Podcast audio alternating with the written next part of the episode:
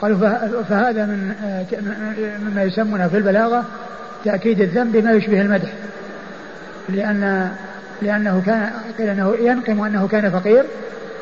ثم يأتي بعد ذلك شيء قد يفهم منه أنه آآ آآ يعني مدح وهو في الحقيقة يعني على أنه عذر له وهو في الحقيقة ليس بعذر. على أنه معذور على ذلك وهو ليس المعذور.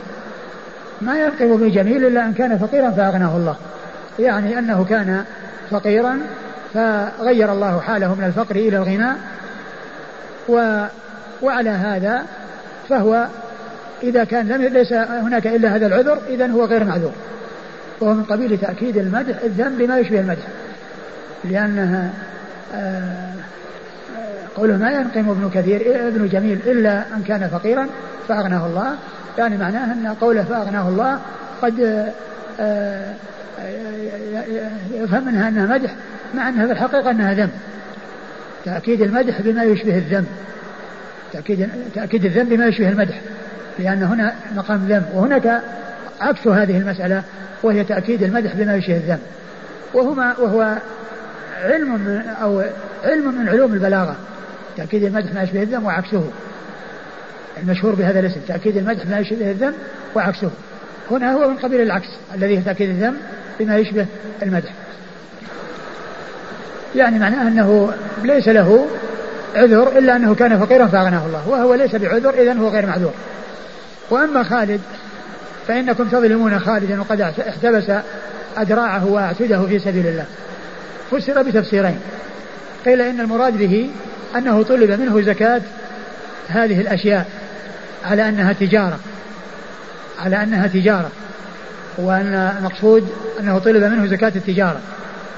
وقيل إن المقصود من ذلك استبعاد أن يحصل منه المنع مع أنه قد احتبس أدراعه أوقف أدراعه واعتده في سبيل الله. الأعتد فسرت بأنها ما يعد ومن ذلك الخير. فكونه يتطوع وتجود نفسه بتحبيس هذه الأموال في سبيل الله الذي يجود بمثل هذا وهو مستحب وليس بواجب آه، من باب أولى أن يبادر إلى أداء الواجب. من باب أولى أن يبادر إلى أداء الواجب وأنه لا يمنع. وعلى هذا فهو يحتمل أمرين إما أن تكون الأعتاد والأدرع أنها للتجارة وقد طلب منه زكاة هذه الأموال على أنها زكاة تجارة ويكون دليلا على آه، آه، مشروعية أو على آه، وجوب الزكاة في أموال التجارة. ويحتمل المعنى الآخر وهو أنه قد أوقف هذه الأمور متطوعا في سبيل الله. ومن كان كذلك فإنه يبعد عليه أن يمتنع من إنفاق أو من بذل ما هو, ما هو واجب عليه. وأما العباس فهي علي ومثلها. وفي بعض الروايات فهي عليه ومثلها. وقوله فهي علي ومثلها فسر بتفسيرين. إما أن يكون أن قوله هي علي ومثلها أن النبي صلى الله عليه وسلم تحمل عنه لأنه عمه وفسر بتفسير آخر وهو أنه استسلف منه زكاة يعني عامين على أنه يقدمها له على اعتبار أنها تكون مقدمة وإذا جاء وقت آه وقت حلولها لا يجب عليه شيء لأنه سبق أن قدمها وعجلها. وهذا هو محل الشاهد الترجمة من إيراد الحديث لأنها لأنه بهذا المعنى يفهم منه أنه عجل الزكاة وأن الرسول طلب منه أن يقدمها وأن يعجلها وأن تكون آه، بذلت قبل وجوبها. فهذا هو محل الشاهد الترجمة وأما على رواية فهي عليه ومثلها فهي عليه أي على العباس ومثلها أن المقصود من ذلك أنه أمهله أو أنه أخره يعني آآ آه، آآ آه، لمصلحة ولفائدة أو لحاجة العباس إلى ذلك آه، أخر إخراج الزكاة عنه إلى إلى إلى عام قابل بحيث يكون في العام القابل تكون عليه ومثلها عليه لكونها مؤخرة ومثلها لكونها زكاة العام الذي آه، يأتي بعد ذلك. فهذا هو معنى الحديث على الروايتين ومحل الشاهد منه وإنما هو على الرواية الأولى التي أوردها المصنف والتي هي عند أبي داود التي هي عند أبي داود وهي قوله علي ومثلها. ثم قال النبي صلى الله عليه وسلم يا عمر أما شعرت أن عم الرجل صنو الأب أو صنو أبيه؟ يعني صنوه مثله يعني في الاحترام والتوقير والعم آه، أطلق عليه أنه أب في كتاب الله عز وجل. يعني ذكر من جملة الآباء في سورة البقرة. آه،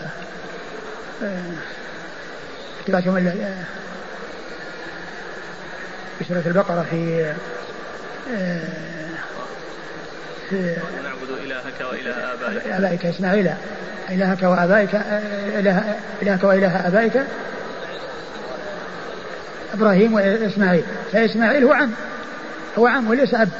ومع ذلك أطلق عليه أنه أب فهو مثله. قال ما علمت أن عم الرجل سن أبيه. ولهذا في عند أبي داود في المراسيل إن إن العم في كتاب الله أب.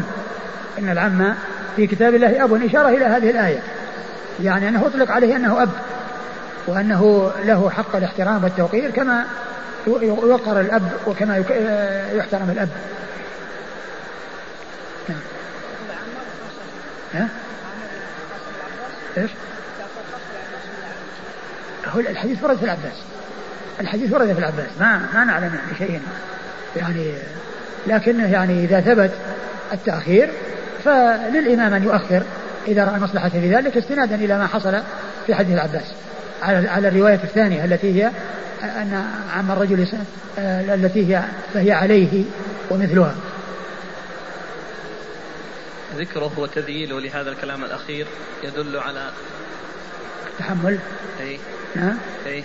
يمكن يمكن لكن لكن كونه آه، يؤتى به في تعجيل الزكاة وفي أبواب تعجيل الزكاة ويستدل به على تعجيل الزكاة يعني يفهم بأن المقصود من ذلك هو التعجيل.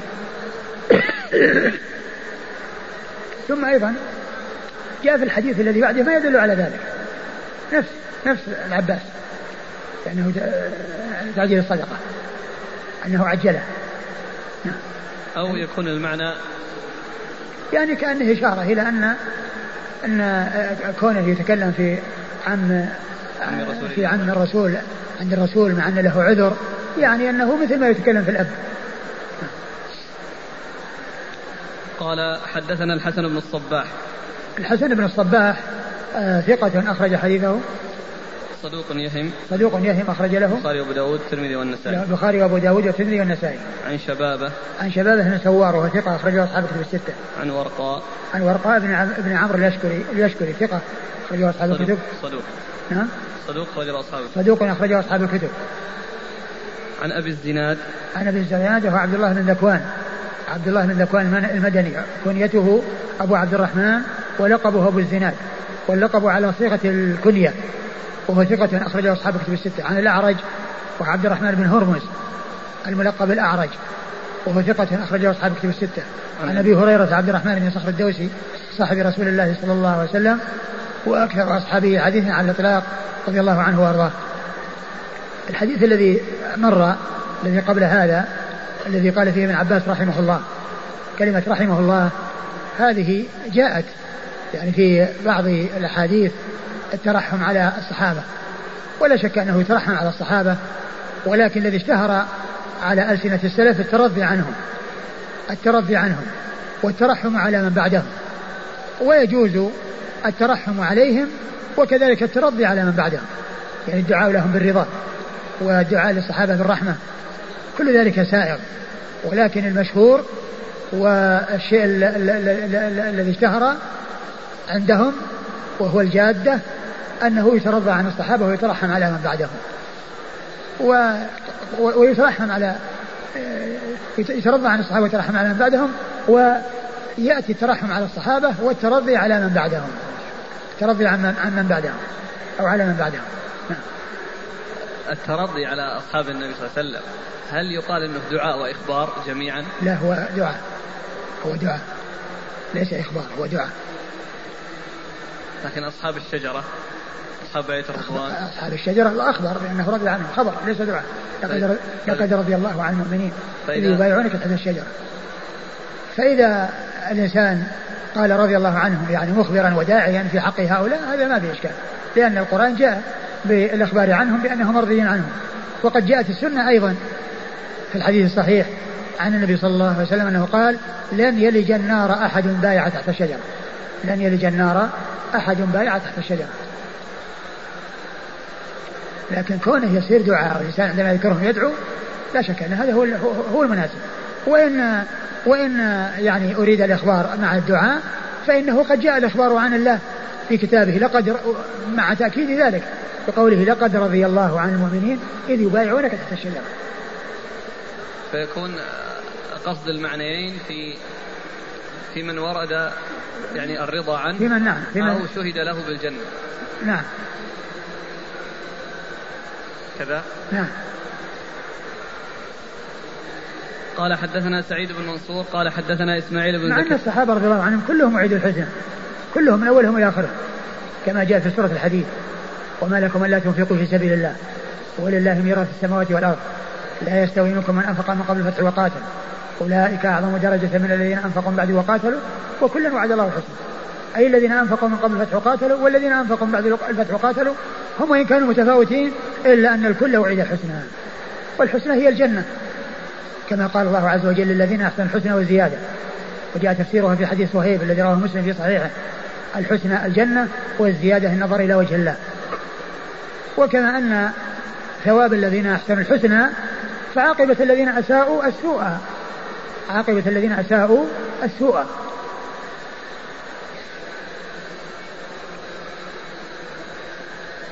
قال حدثنا سعيد بن منصور قال حدثنا إسماعيل بن زكريا عن الحجاج بن دينار عن الحكم عن حجية عن علي رضي الله عنه أن العباس رضي الله عنه سأل النبي صلى الله عليه وآله وسلم في تعجيل صدقته قبل أن تحل فرخص له في ذلك.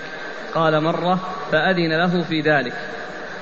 ثم ورد أبو داود حديث علي رضي الله عنه أن العباس استأذن رسول الله صلى الله عليه وسلم في تعجيل زكاته قبل أن تحل فرخص له في ذلك وقال مرة فأذن له في ذلك. فهذا فيه دليل على تعجيل الزكاة قبل حلول وقتها وعلى أن العباس نفسه رضي الله عنه قد استأذن في تعجيل زكاته فأذن له رسول الله صلى الله عليه وسلم وهو يقوي الاحتمال الذي مر في الحديث السابق وهو حديث آه، وأما العباس فهي علي ومثلها وأما العباس فهي علي ومثلها قال حدثنا سعيد بن منصور سعيد بن منصور ثقة أخرجه أصحاب الكتب الستة. عن إسماعيل بن زكريا. عن إسماعيل بن زكريا بن أبي زائدة وهو ثقة أخرجه أصحاب الكتب الستة. إسماعيل إسماعيل بن زكريا ما هو بن أبي زائدة؟ أنا وجدته كأنه الخلقاني. يعني هل في إسماعيل بن زكريا بن أبي زائدة في هذا اللفظ؟ يحيى أو يحيى في يحيى بن زكريا إيه ذاك يحيى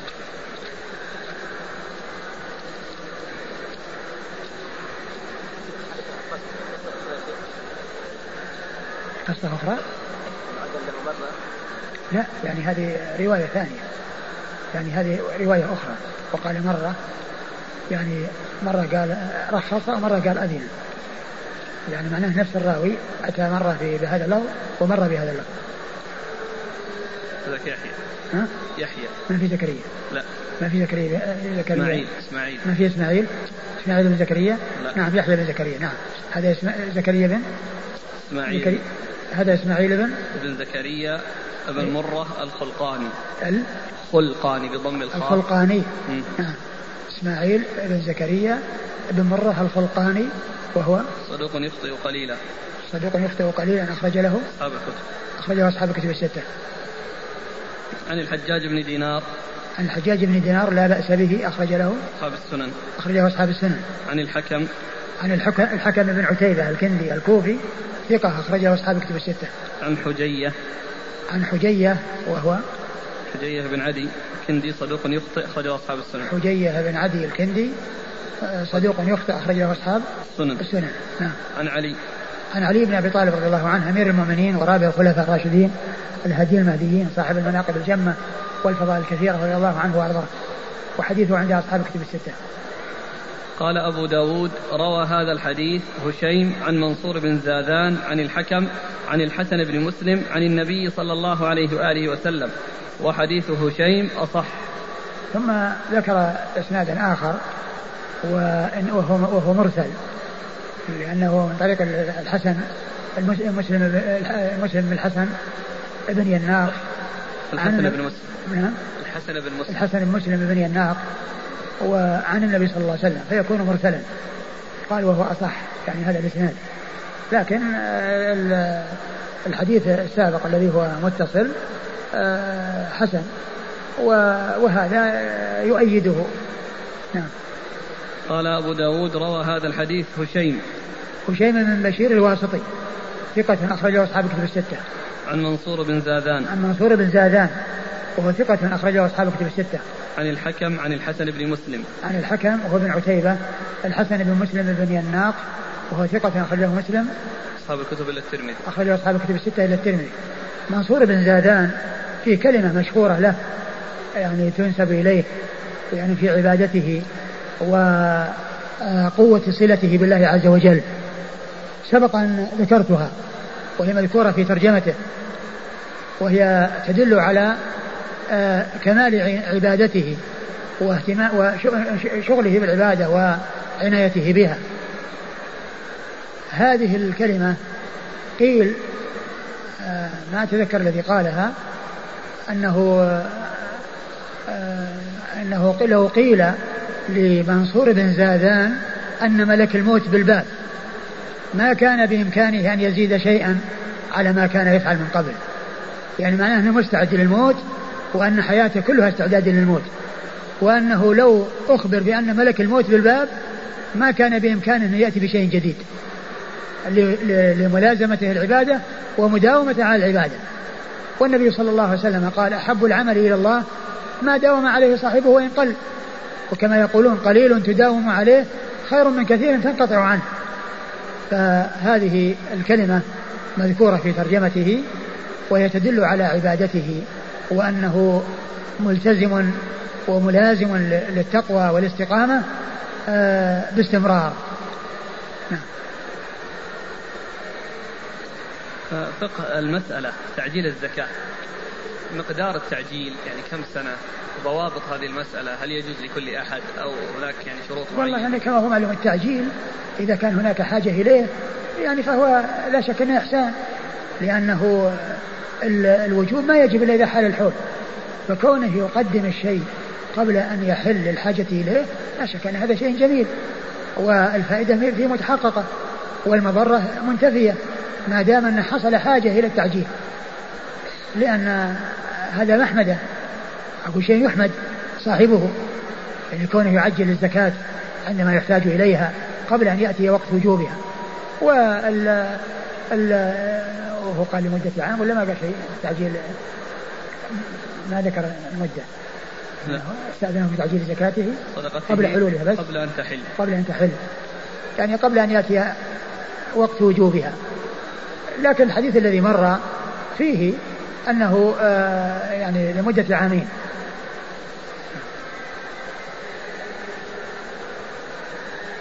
هذا قد يقال في الرجل الذي مال المال لا ينمو.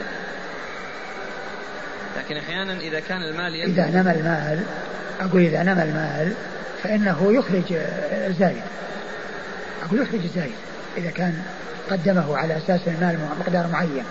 ثم نمى المال فإن الواجب هو آه، ما كان عند حلول الزكاة.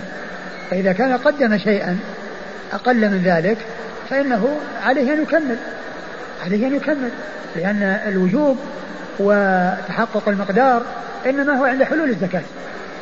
ولكن الذي يعجل إن حصل نقص فهو لا شك أنه محسن وإن حصل يعني وإن حصل يعني زيادة فإنه عليه أن يأتي بالزيادة حتى يكون مبرئا لذمته. قال رحمه الله تعالى باب في الزكاة هل تحمل من بلد إلى بلد؟ قال حدثنا نصر بن علي قال أخبرنا أبي قال أخبرنا إبراهيم بن عطاء مولى عمران بن حسين عن أبيه أن زيادا أو بعض الأمراء بعث عمران بن حسين رضي الله عنهما على الصدقة. فلما رجع قال لعمران أين المال؟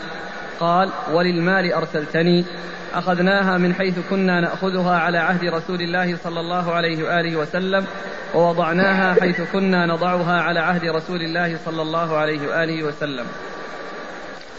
ثم ورد أبو داود باب هل يحمل الماء هل, هل, في الزكاة هل تحمل من بلد إلى بلد؟ هل في الزكاة هل تحمل من بلد إلى بلد؟ بمعنى أن زكاة المال في بلد تنقل من ذلك البلد وتوزع على فقراء بلد آخر. هذه مسألة اختلف فيها العلماء.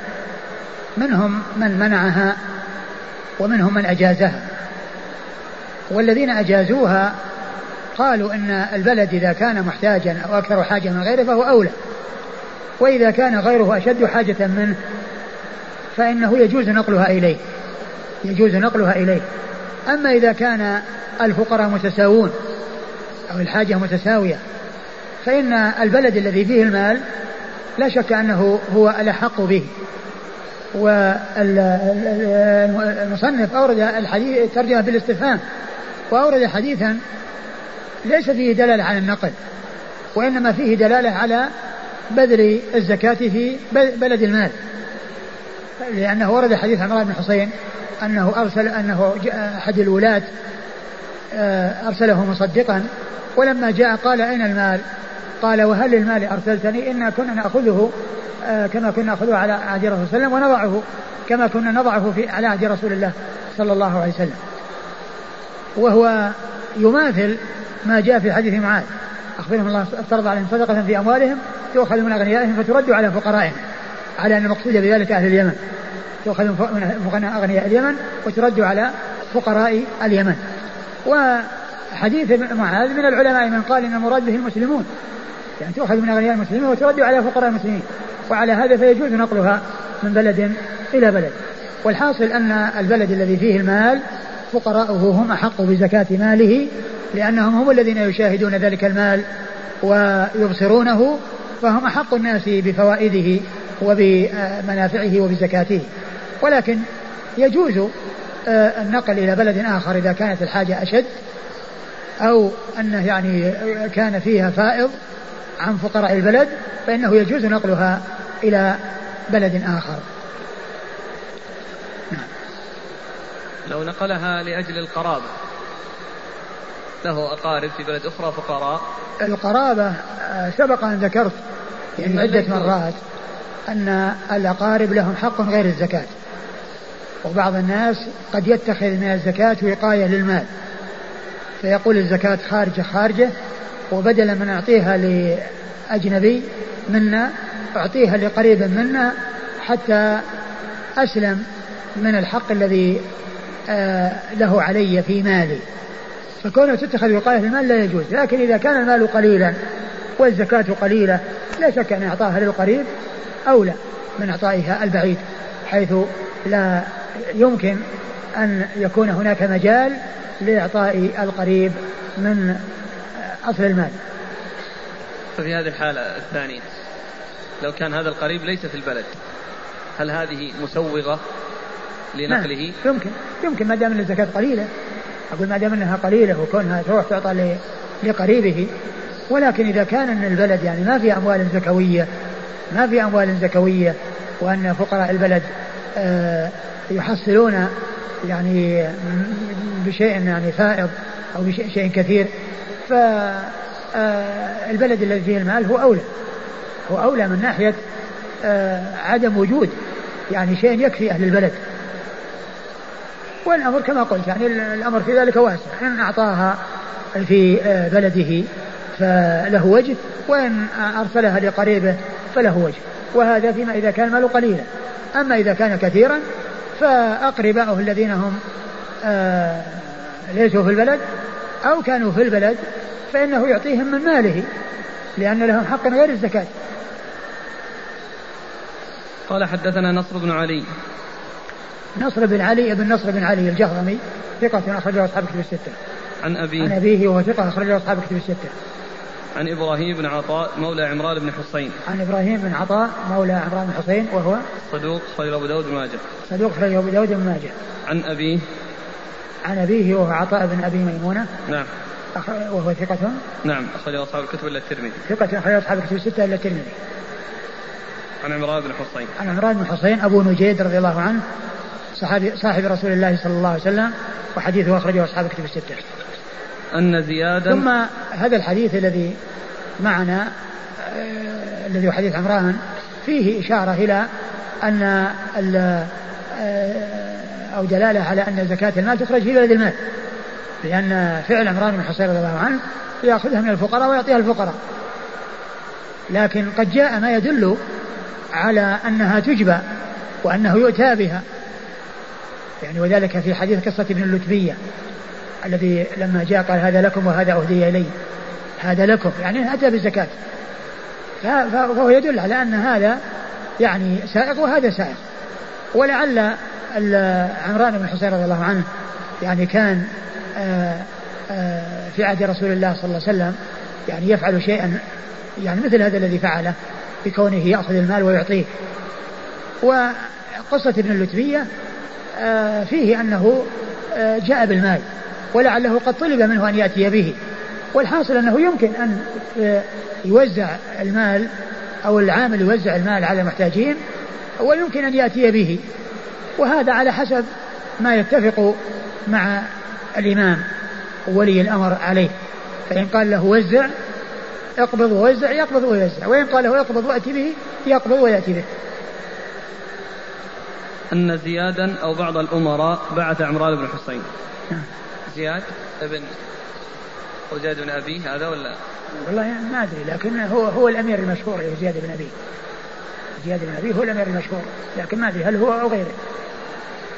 وكذلك ابنه عبيد الله بن زياد أيضا هو أمير.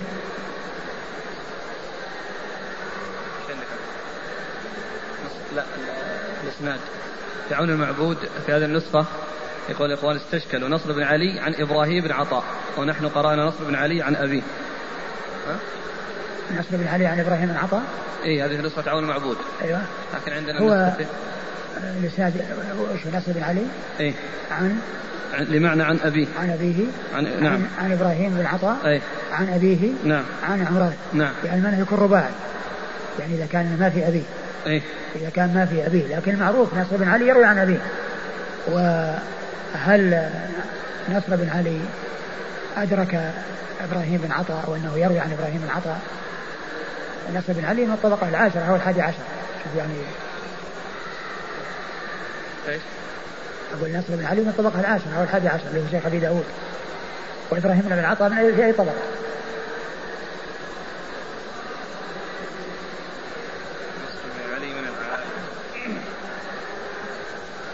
نصر بن علي بن نصر بن علي لأن نعم.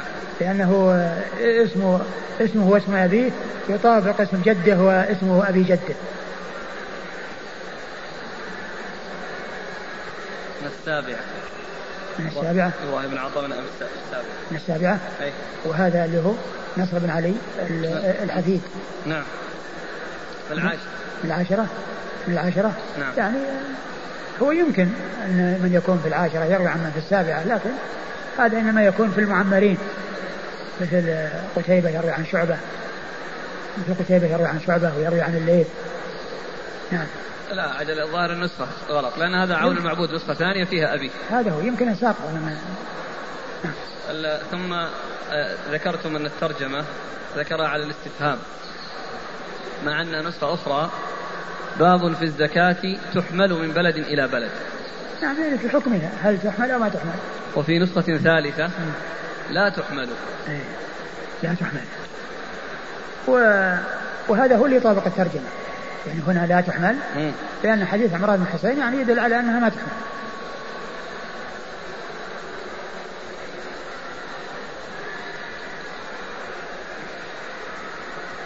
قال رحمه الله تعالى باب من يعطي من الصدقة. باب من يعطى من الصدقة وحد الغنى وحد الغنى. قال حدثنا الحسن بن علي قال حدثنا يحيى بن آدم قال حدثنا سفيان عن حكيم بن جبير عن محمد بن عبد الرحمن بن يزيد عن أبيه عن عبد الله رضي الله عنه أنه قال قال رسول الله صلى الله عليه وآله وسلم من سأل وله ما يغنيه جاءت يوم القيامة خموش أو خدوش أو كدوح في وجهه. فقال يا رسول الله وما الغنى؟ قال خمسون درهما أو قيمتها من الذهب. ثم ورد أبو داود باب آه من يعطى من الصدقة وحد الغنى. يعني من الذي يعطى من الصدقة وحد الغنى. والمقصود من ذلك يعني من هو الفقير ومن هو الغني. ومن يعطى من الصدقة يعني أعم. من الفقير لأن الذي يعطى الصدقة مصاريفها الثمانية. هل لا بد من آه، الزكاة تكون في المصارف الثمانية أو أنها تكون في يمكن أن تصرف في صنف واحد؟ بعض أهل العلم قال أنها لا بد أن توزع على المصارف الثمانية. ومنهم من قال إنه يكفي صنف واحد كما جاء في حديث معاذ تؤخذ من أغنيائهم فترد على فقرائهم وكما حصل من آه، عبد الله من عمران بن حصين أنه كان يعني جاء وقد وزعها يعني معناه أنها أعطاها للفقراء كما جاء في حديث معاذ تؤخذ من أغنيائهم فترد على فقرائهم. وحد الغنى الذي يعني لا يسأل الإنسان معه لا يسأل الإنسان معه آه، جاء أورد أبو داود حديثا. عبد الله بن مسعود. حديث عبد الله بن مسعود؟ نعم. حديث عبد الله بن مسعود رضي الله عنه. أن النبي صلى الله عليه وسلم قال من سأل وعنده ما يغنيه جاء مسألته في وجهه خموش أو خدوش أو كدوح و فقال يا رسول الله وما الغنى؟ فقال يا رسول الله وما الغنى؟ لأنه قال يعني وما له ما يغنيه وعنده ما يغنيه. يعني طلبوا منه أن يفسر قوله وعنده ما يغنيه. قالوا وما الغنى يا رسول الله؟ الذي قيد بأن من سأل وعنده ما يغنيه قال أن يكون عنده خمسون درهما أو قيمتها من الذهب أو ما يعادلها من الذهب.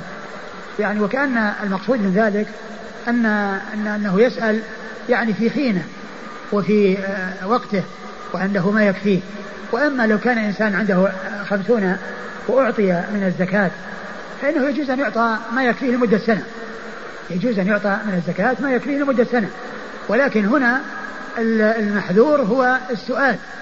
كون الإنسان يسأل وعنده شيء يغنيه يعني في يومه وليلته أو أكثر من ذلك كما سيأتي عنده ما يعشيه ويغديه. يعني من الإنسان اللي عنده كفايته لا يسأل في الوقت الذي عنده تلك الكفاية ولكن إذا نفد ما عنده له أن يسأل ولم يكن عنده شيئا آه، آه، ليومه وليلته يمكن أن يسأل. وعلى هذا فهذا ليس آه، قيدا أو هذا المقدار ليس قيدا في كل إنسان لا يعطى من الزكاة وعنده خمسون درهما وإنما هو يعني يتعلق بمنع المسألة. وكل إنسان عنده هذا المقدار ويسأل وعنده هذا المقدار يعني هو غني غني في وقته عنده ما يغنيه في وقته. وإن كان ما عنده شيء يغنيه طول السنة وهو أهل لأن يعطى من الزكاة والزكاة تؤخذ في كل عام. ويعطى الفقراء ما يكفيهم إلى نهاية العام ثم إذا جاء العام الآخر أخذت الزكاة فيعطون ما يكفيهم. إذا هذا المقدار ليس حدا لكونه لا يعطى من الزكاة ولكنه حدا لكونه لا يسأل لأنه يعتبر عنده شيء يغنيه عن السؤال في وقته. وخموش أو كدوح أو خدوش يعني آثار في الوجه. ومعنى ذلك أن أنه آه، آه، يسأل ويريق ماء وجهه فيعاقب يوم القيامة بأن يأتي وهو على هذه الهيئة التي تكون علامة على سؤاله وهو, وهو ليس أهلا لأن يسأل بل هو غني في الوقت الذي سأل فيه نعم.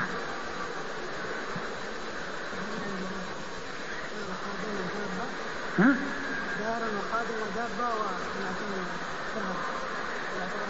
هذا سيأتي.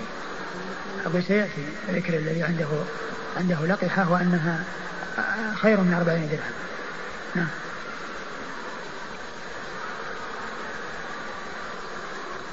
قال حدثنا الحسن بن علي. الحسن بن علي مرة هو الحلواني ثقة أخرجه أصحاب الكتب الستة من النسائي. عن يحيى بن آدم. عن يحيى بن آدم الكوفي ثقة أخرجه أصحاب الكتب الستة. عن سفيان. عن سفيان بن سعيد بن مسروق الثوري ثقة فقيه أخرجه أصحاب الكتب الستة. عن حكيم بن جبير عن حكيم ابن جبير وهو ضعيف وهو ضعيف أخرج له أصحاب السنن. عن محمد بن عبد الرحمن بن يزيد. عن محمد بن عبد الرحمن بن يزيد وهو ثقة أخرج البخاري في المفرد وأصحاب السنن. آه ثقة أخرجه البخاري في المفرد وأصحاب السنن. عن أبيه. عن أبيه عبد الرحمن بن يزيد النخعي. عبد الرحمن بن يزيد بن قيس النخعي وهو ثقة أخرجه أصحاب الكتب الستة. عن عبد الله بن مسعود صاحب رسول الله صلى الله عليه وسلم و آه وهو أحد فقهاء الصحابة وحديثه أخرجه أصحاب الكتب الستة. والحديث يعني في إسناده هذا الرجل الضعيف الذي هو حكيم بن جبير نعم. الذي هو حكيم بن جبير ولكن آه، آه، جاء أحاديث يعني تدل على يعني آه، المسألة وذل المسألة وعقوبة يعني صاحب المسألة يعني غير هذا الحديث. والحديث هو إسناده ضعيف. نعم. الأخ يقول عنده سؤال مستعجل من سأل وله ما يغنيه. هل يجوز سؤال ولاة الأمر؟ سؤال ولاة الأمر الذي يبدو أنه لا بأس. يعني إذا كان أنه, أنه مثل هذا المقدار الذي ما يغنيه اللي هو اللي هو يعني عنده شيء قليل وأما الذي عنده يعني شيء كثير ويتكثر فهذا الذي ينبغي له أن يستعفف وألا يسأل ولاة الأمر. والإنسان الذي هو بحاجة إليه بأنه ما عنده إلا شيء قليل أو عنده شيء أو أن تحل له الزكاة هذا له أن يسأل. تعلمون أن في هذا الوقت يكون الإنسان عنده راتب يكفي لكن يبغى شرها. على كل, على كل من يستغني يغنيه الله ومن يستعفف يعفه الله. هذا الأكمل ولا الأصل؟ والله يعني يعني كثير من الناس ترى ما يبالي بالاكل والله جاء أقول جاء في حديث حديث الحديث عمر الذي قال يعني إذا أعطيتها من غير مسألة. من هذا المال من غير من غير مسألة ومن غير إسراف نفس. نعم هذا يدل على أن أنه إذا كان فيه إسراف إذا كان المسألة أنه مو جيد. هو بيروح يطلب يقدم فيها معروض الله على كل من يستعفف يعرفه الله. الله قال يحيى فقال عبد الله بن عثمان لسفيان حفظي أن شعبة لا يروي عن حكيم بن جبير. فقال سفيان فقد حدثناه زبيد عن محمد بن عبد الرحمن بن يزيد. ثم قال أن أن يحيى قال يحيى. قال يحيى بن آدم الذي مر ذكره. فقال عبد الله بن عثمان لسفيان. فقال عبد الله بن عثمان البصري. عبد الله بن عثمان البصري لسفيان إن شعبة لا يروي عن حكيم بن جبير. حكيم بن جبير. قال حفظي أنه لا يروي عنه أي الذي يحفظه أنه لا يروي عنه. يعني آه، لضعفه. يعني لضعفه. فقال حدثنا حدثناه زبيد عن محمد بن عبد الرحمن بن يزيد. حدثناه زبيد وهو زبيد بن الحارث اليامي. ثقة أخرج أصحاب الكتب الستة إلا الترمذي. لا كلهم كلهم بدون الترمذي؟ نعم. نعم. آه، أصحاب الكتب الستة. هذاك الزبيدي. الذي هو محمد الوليد. محمد بن الوليد الزبيدي نعم. أخرج أصحاب الكتب الستة إلا الترمذي. نعم. نعم. بقي علينا أن نعرف بعبد الله بن عثمان. عبد الله بن عثمان آه، الذي يبدو أنه البصري أي. الذي قيل أنه شريك شعبة أو صاحب شعبة. قال النسائي ثقة ثبت أخرج له الترمذي والنسائي وابن ماجه. قال قال النسائي الحافظ ما حكم وإنما نقل كلمة قال النسائي. قال النسائي نعم. ثقة ثبت بس هكذا قال؟ نعم. قال النسائي ثقة ثبت. نعم. أخرج له الترمذي والنسائي وابن ماجه. أخرج الترمذي والنسائي وابن ماجه. يعني ما ذكر أبو داود لأنه يعني معلق. نعم. لا بس هذه ما في دليل على الاتصال. ما في دليل على الاتصال. يمكن أن يكون مقطوع. إنه مرسل. لا ما قال به ما قال به وإنما سكت. يعني فيكون مرسل.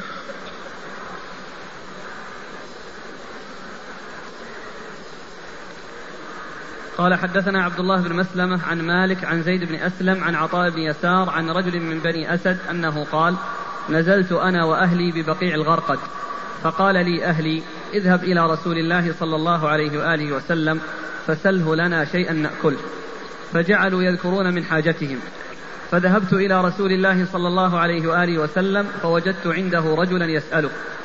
ورسول الله صلى الله عليه وآله وسلم يقول لا أجد ما أعطيك. فتولى الرجل عنه وهو مغضب وهو يقول لعمري إنك لتعطي من شئت. فقال رسول الله صلى الله عليه وآله وسلم يغضب علي ألا أجد ما أعطيه. من سأل منكم وله أقية أو عدلها فقد سأل إلحافا.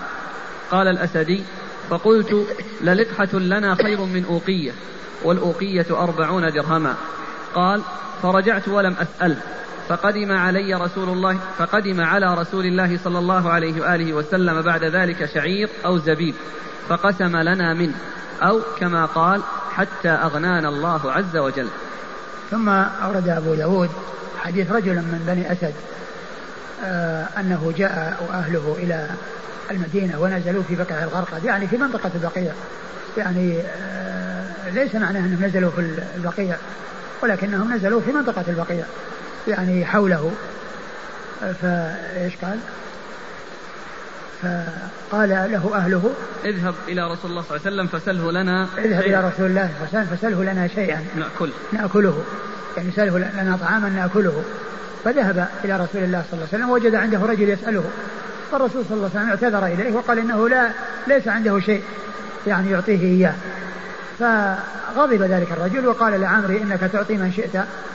فقال النبي صلى الله عليه وسلم غضب أن أن أنني لا أجد. يغضب علي ألا أجد ما يغضب أعطيه. علي ألا أجد ألا أجد ما أعطيه ما أجد ما أعطيه. أيوه. من سأل منكم وله أوقية أو عدلها فقد سال إلحافا ثم قال من سأل منكم وعنده أوقية أو عدلها فقد سأل, إلحافا والأوقية أربعون درهم الأوقية كما كما هو معلوم أربعون درهما لأن نصاب الفضة خمس أواق ومقداره مئة درهم فالوقية أربعون آه، درهما. فقد سأل إلحافا يعني معناه يعني سأل وعنده ما يغنيه. يعني معناه أنه آه، سأل وألح في السؤال وهو ليس أهلا لأن يسأل. وهذا في حال وجود ذلك المقدار عنده. أما إذا لم يكن عنده هذا المقدار فله أن يسأل. وهذا كما هو معلوم شيء وإعطائه من الزكاة شيء آخر. لأن المسألة شيء والإعطاء من الزكاة لمن يكون عنده هذا المقدار شيء آخر. يعطى من الزكاة. بل يعطى ما يكفيه لمدة سنة. بل يعطى ما يكفيه لمدة سنة. فهذا الأسد الأسدي الذي جاء كفاه هذه المحاورة التي جرت بين النبي صلى الله عليه وسلم وكون النبي صلى الله عليه وسلم قال هذه المقالة. من سأل منكم وله أوقية أو عدلها فقد سأل إلحافا. نعم. بعده فقال الأسدي فقلت للقحة لنا خير من أوقية. يعني فقال الأسدي الذي هو آه الذي مر قال من بني أسد قال لا لا لا لقحة أو لقحة لقحة عندنا خير من أوقية. يعني لقحة يعني عندهم يشربون حليبا. يعني يحلبونها ويشربون منها هي خير من أوقية يعني يكون شيء أغلى من الأوقية التي هي أربعون درهما. نعم. انتهى. قال فرجعت ولم أسأل فقدم على رسول الله صلى الله عليه وسلم. قال فرجعت ولم أسأله. كفاه ذلك الذي سمعه من رسول الله صلى الله عليه وسلم. اكتفى بالذي جرى بينه وبين ذلك الرجل وهذه المقالة التي قالها رسول الله صلى الله عليه وسلم فلم يسأله. فجاء النبي صلى الله عليه وسلم بعد ذلك يعني آه، شعير أو زبيب فأعطانا منه حتى أغنانا الله. نعم. في الحديث الماضي خمسون درهما وفي هذا الحديث أربعون. يعني كما هو خمسين خمسين وأربعين متقاربة. إيه لكن الإخوان ودهم يعرفون كم تساوي الآن. ولا هو ال هو ال هو ال 200 درهم تعادل 56 200 درهم تعادل 56 ف 56 يعني آه، ال 40 آه، درهم اللي هو الأوقية يعني آه، التي هي خمس يعني خمس 56 عشرة. عشرة. 11 11 وشيء يسير يعني. نعم. شيء يسير نعم. يعني هذا ريال فضة. ريال فضة. ومن الورق ما قيمتها من الورق؟ فإذا قيل أن ريال عشرة الفضة عشرة ريال يصير به عشرة يصير به عشرة ريال لكن هذا يعني الظاهر مرجعه للعرف. يعني بعض الأماكن وبعض الناس يختلف قضية غناه وفقره وسعته فمثلا الأعزب مو مثل المتزوج الذي عنده عيال من حيث الغنى والفقر. لا حتى حتى يعني من ناحية الكفاية. الكلام كونه يغنيه كونه يغنيه. يعني هو معلوم أن مثل هذا المقدار يعني لا شك أنه يغني. يعني في ذاك الوقت من ناحية الكفاية في اليوم. أنا أقصد تقديره قياسه على هذا الوقت الآن. هل يقال الآن اللي عنده 100 110 يعني في نفس اليوم لا يسأل في نفس اليوم لا يسأل عنده 110 تغديه وتعشيه وتزيد على ذلك يعني يمكن يتغدى ويتعشى ب 30 ريال. يعني المطعم يصرف له طعام إذا كان وحده يعني يكفي هذا كلام يقول أنت الآن ذكرت واحد. نعم. ما ترى أنه يختلف الكفاية؟ لا شك أنه يختلف نعم. أقول يختلف.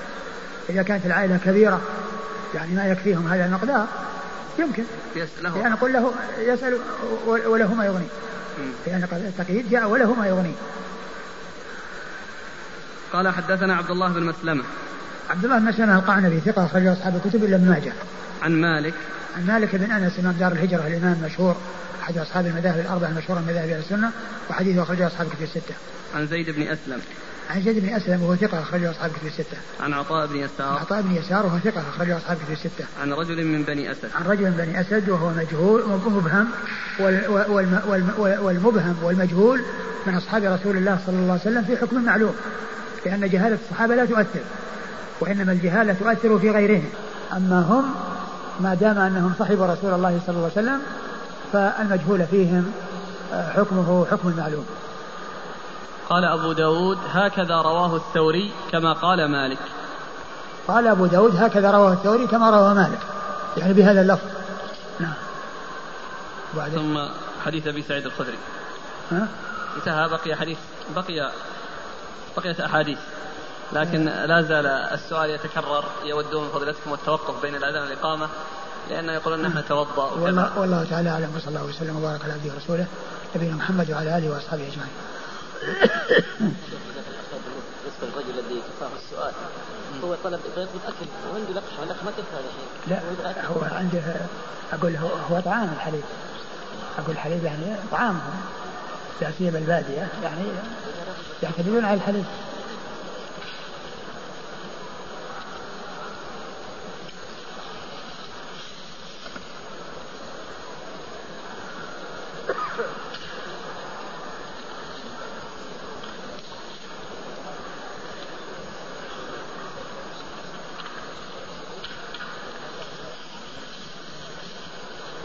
هذا جزاكم الله خير ذكر احتمال آخر في ال ال الأثر اللي ورد في مسند أحمد واستدل به على سماع الحسن. من قال ألا يحتمل أن يكون الحسن بن علي هو الذي كان مع ابن عباس؟ فإن التنصيص عليه بأن الحسن البصري كان يقول ما في دليل عليه. وش الإسناد هو؟ وما ذكر إسناد. قال جاء ورد في مسند أحمد بإسناد صحيح. هذا هذا يمكن. أقول هذا يمكن يرجع للإسناد. وينظر هل هو الحسن البصري أو الحسن ابن علي. ثم أيضا ال إيش عن ابن سيرين أن جنازة مرت بالحسن وابن عباس. عن ابن سيرين. الحسن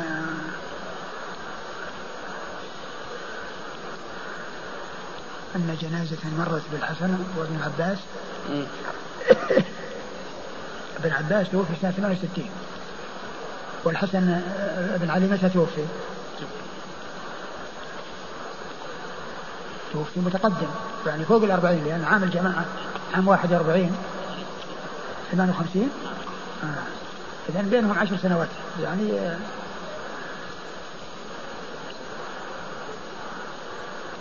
الحسن بن علي؟ إيه.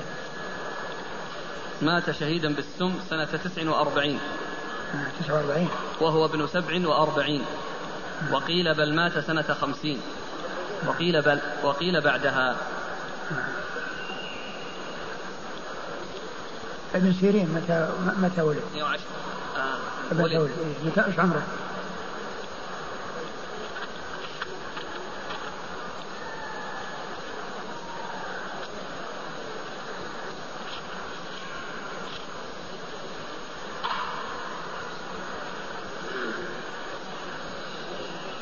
ما يقول من الثالثة مات سنة عشر ومائة ما ذكر من الثالثة؟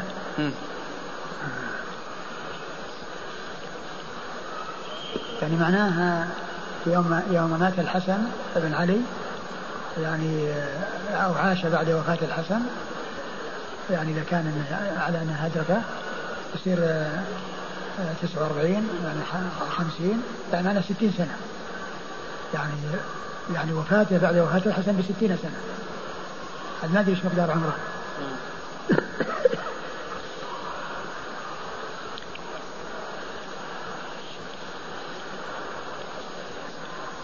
الحديث ذا هذه المنشورات ما يعني ما تترك لابد قال رسول الله صلى الله عليه وسلم يا علي لا تنم إلا أن تأتي بخمسة أشياء وهي قراءة القرآن كله. والتصدق بأربعة آلاف درهم وزيارة الكعبة وحفظ مكانك من الجنة وإرضاء الخصوم. قال علي وكيف ذلك يا رسول الله؟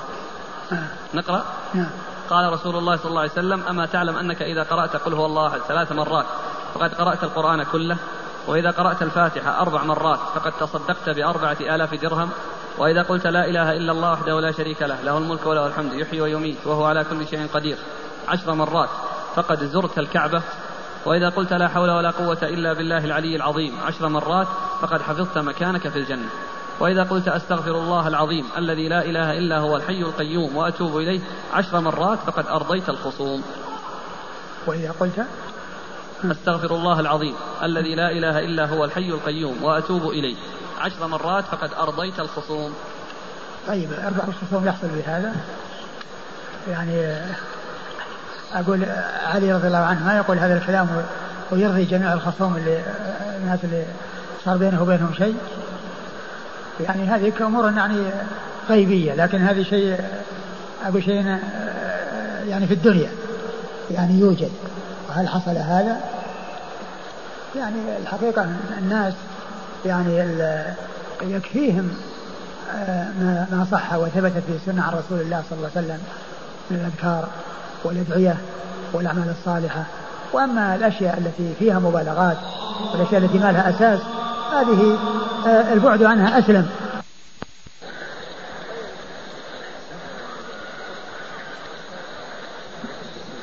بسم الله الرحمن الرحيم. الحمد لله رب العالمين. والصلاة والسلام على عبد الله ورسوله نبينا محمد وعلى آله وصحبه أجمعين. أما بعد قال الإمام أبو داود السجستاني رحمه الله تعالى باب من يعطى من الصدقة وحد الغنى. ثم ذكر قال حدثنا قتيبة بن سعيد وهشام بن عمار قال حدثنا عبد الرحمن بن أبي الرجال عن عمارة بن غزية عن عبد الرحمن بن أبي سعيد الخدري عن أبيه أبي سعيد رضي الله عنه أنه قال قال رسول الله صلى الله عليه وآله وسلم من سأل وله قيمة أوقية فقد ألحف فقلت ناقة الياقوتة هي خير من أوقية. قال هشام خير من أربعين درهما. فرجعت فلم أسأله شيئا. زاد هشام في حديثه وكانت الأوقية على عهد رسول الله صلى الله عليه وآله وسلم أربعين درهما.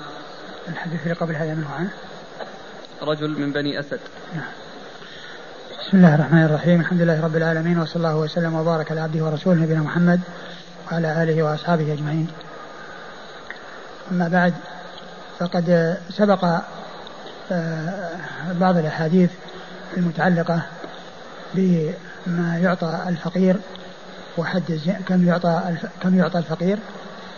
كم كم كم باب من يعطى من الصدقة. باب من يعطى من الصدقة هو حد الغنى.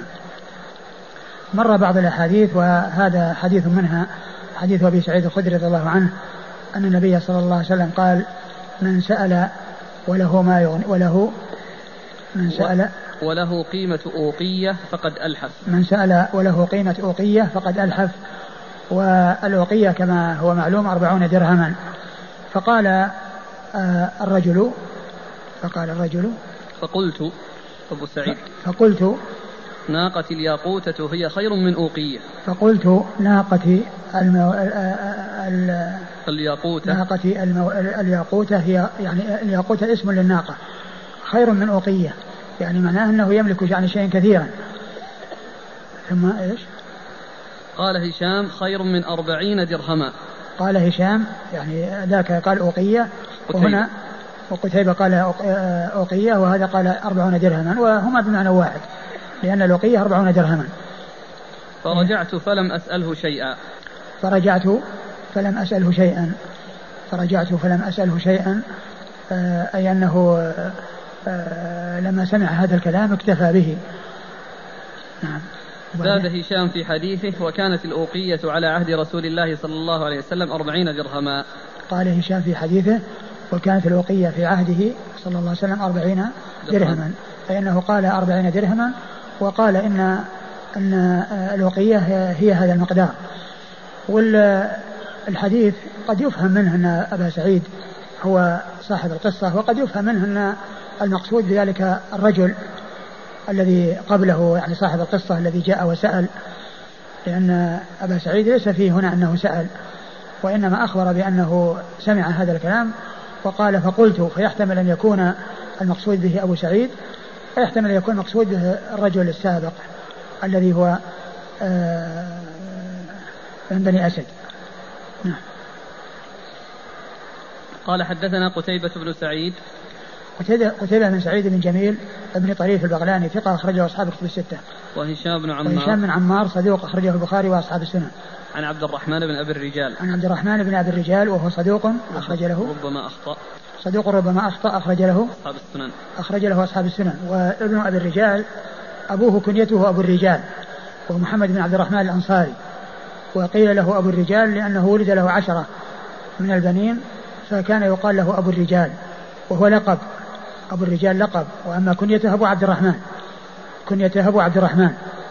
الذي يروي عنه هذا هو الذي يكنى به. وأما أبو الرجال فهو لقب له. وهذا من جنس بالزناد و... وكنيته أبو عبد الرحمن عبد الله بن ذكوان. لقبه أبو الزناد وكنيته أبو عبد الرحمن. كل منهما أي أبو الزناد وأبو الرجال آه، آه، لقب على صيغة الكنية. وكل منهما يكنى بأبي عبد الرحمن. نعم. عن عمارة بن غزية. عن عمارة بن غزية وهو صدوق وهو لا بأس به وبمعنى صدوق. أخرج له البخاري في المفرد ومسلم وأصحاب السنن. البخاري تعليقا. البخاري تعليقا ومسلم وأصحاب السنن عن عبد الرحمن بن أبي سعيد الخدري. عن عبد الرحمن بن أبي سعيد الخدري وهو ثقة أخرج له أصحاب الكتب الستة. البخاري تعليقا ومسلم وأصحاب السنن البخاري تعليقا ومسلم وأصحاب السنن عن أبي.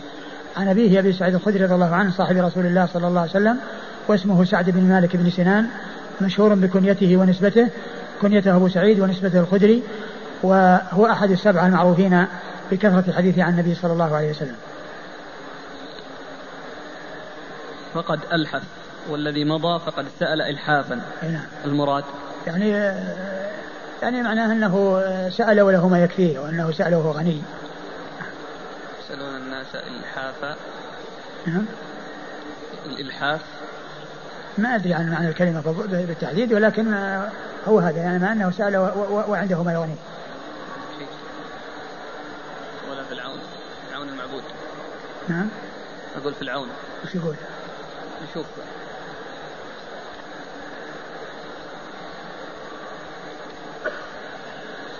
فقد ألحف قال الواحدي الإلحاف في اللغة هو الإلحاح في المسألة. قال الزجاج معنى ألحف شمل بالمسألة. شمل؟ شمل. شمل؟ هكذا. يعني ما هو واضح شمل المسألة؟ والإلحاف في المسألة هو أن يشتمل على وجوه الطلب بالمسألة كاشتمال اللحاف في التغطية. آه يعني بالتمثيل يعني تمثيل يعني. يعني كاشتمال اللحاف. اللحاف على اللسان يغطيه يلتحف به. وهذا يعني معناه كأنه اشتغل بالمسألة وصارت كاللحاف. يعني المبالغة فيها. وقال غيره معنى الإلحاف في المسألة مأخوذ من قولهم ألحف الرجل إذا مشى في لحف الجبل. وهو أصله كأنه استعمل الخشونة في الطلب. يعني قسوة وعدم يعني لين وسهولة يعني شدة. يعني مثل ذاك الذي الذي مر الذي يسأل الرسول صلى الله عليه وسلم ولما قال له لا أجد ما أعطيك قال إنك تعطي من شئت. يعني هذه الخشونة في الطلب. هذا عن معبود ها؟ هذا إيه، عن معبود نعم. قال حدثنا عبد الله بن محمد النفيلي قال حدثنا مسكين قال حدثنا محمد بن المهاجر عن ربيع بن يزيد عن أبي كبش السلولي قال حدثنا سهل بن الحنظلية رضي الله عنه أنه قال قدم على رسول الله صلى الله عليه وآله وسلم عيينة بن حصن والأقرع بن حابس فسألاه فأمر لهما بما سألا وأمر معاوية رضي الله عنه فكتب لهما بما سألا. فأما الأقرع فأخذ كتابه فلفه في عمامته وانطلق. وأما عيينة فأخذ كتابه وأتى النبي صلى الله عليه وآله وسلم مكانه. فقال يا محمد أتراني حاملا إلى قومي كتابا لا أدري ما فيه كصحيفة المتلمس؟ فأخبر معاوية رضي الله عنه بقوله رسول الله صلى الله عليه وآله وسلم فقال رسول الله صلى الله عليه وآله وسلم من سأل وعنده ما يغنيه فإنما يستكثر من النار. وقال النفيلي في موضع آخر من جمر جهنم فقالوا يا رسول الله وما يغنيه؟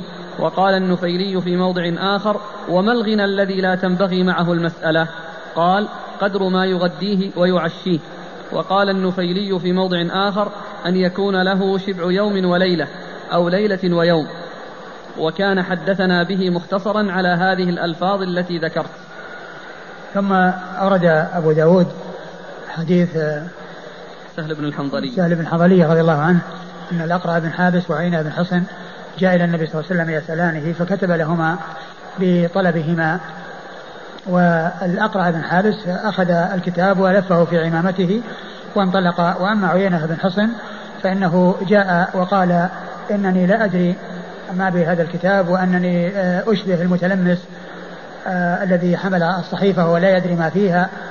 وقصة المتلمس هو رجل آه، أو رجلان أحدهما هذا الذي يقال له المتلمس جاء إلى شخص وأمير من الأمراء أو كبير من الكبراء فحصل منهما هجو له ثم كتب لكل واحد منهما كتابا وكان مشتملا على قتل كل واحد منهما يعني إلى عامله على أنه إذا وصل إليه يقتله. فأحدهما ذهب بالكتاب وفتحه العامل وقتله. وأما هذا ففتح الكتاب ووجد فيه أنه سيقتل فمزق الكتاب وترك. فصار يضرب المثل بالذي يحمل شيئا فيه حتفه أو فيه مضرته. يقال حامل صحيفة المتلمس.